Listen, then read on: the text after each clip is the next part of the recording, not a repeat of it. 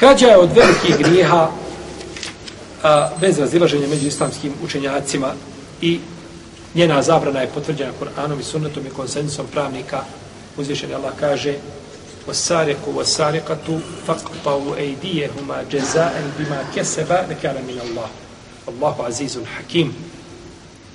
I kradljivcu i kradljivici odsjecite ruku. A džezaem bima keseba. Da im to bude jeli, ovaj nagrada zbog onoga što su činili. Ovdje, pazite, ovdje je došlo osariku osarikatu. Kradljivac i kradljivica. A kad uzvišen Allah govori o nemoralu, kaže Ezanijetu wa zani fečlidu kulle vahidi min hamijete. Pa spominje, kaže, nemoralnica i nemoralnik.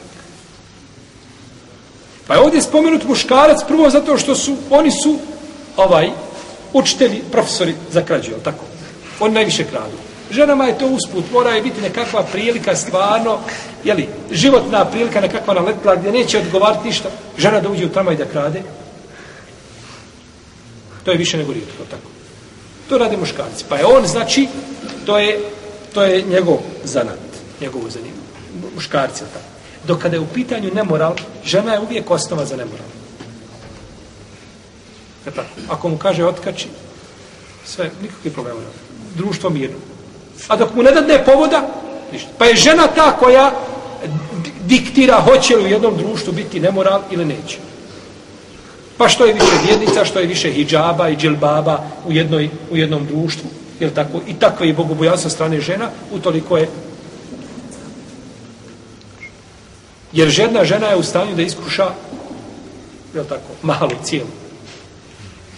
Svi stoje na, na, na, na, tako, na balkonima i snimaju je sa telefonima kad prolaze. A nikada nije ovaj, nikada e, nije deset muškaraca iskušao jednu ženu.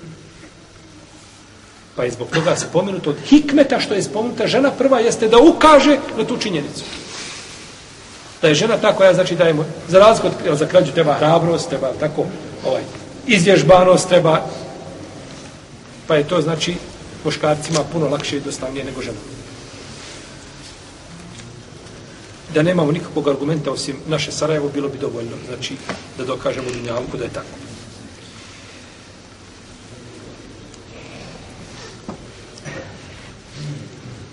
Pa je, znači, krađa zabranjena i kaže poslanik sa osam hadisu, Allah prokleo, Allah prokleo kradljivca koji ukrade a, ratničku kacigu pa mu se odsječe ruka i ukrade konopac pa mu se ruka odsječe. Prokleo. Pa je zato kažemo veliki grije, zato što ovdje prokletstvo došlo i došla je ovdje u Kur'anu dunjalučka kazna za to. A veliki grije je sve ovaj, čim se počiniocu prijeti dunjalučkom ili ahiretskom kaznom. Ima za prijestup. Zato da čovjek ne bi svaki grije, nije svaki haram veliki grije. On ako je zabranjen, nije šta veliki grije.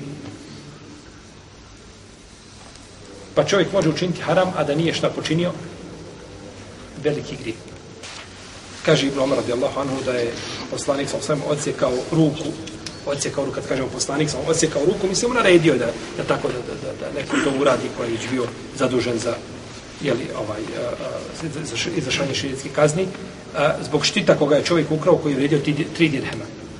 Taj štit je vredio tri dirhema, pa je zbog toga, kaže kako došlo kod Buhari i kod muslima, i kaže poslanik sa osvijem kako došlo kod Sahiha, tako mi Allaha da moja čerka Fatima ukrade, ja bih joj odsjekao ruku da moja čerka Fatima ukrade, ja bih joj kao ruku. I ulema je složa da se mora izvršiti vjetska kazna čovjekom koji ukrade, ako to posvjedoče dvojica pravednih, slobodnih ljudi, znači nisu robovi, nego dvojica pravednih ljudi, poznati po takvi bogojaznosti i pravednosti posvjedoče, ovaj, izvršit će se širetska kazna.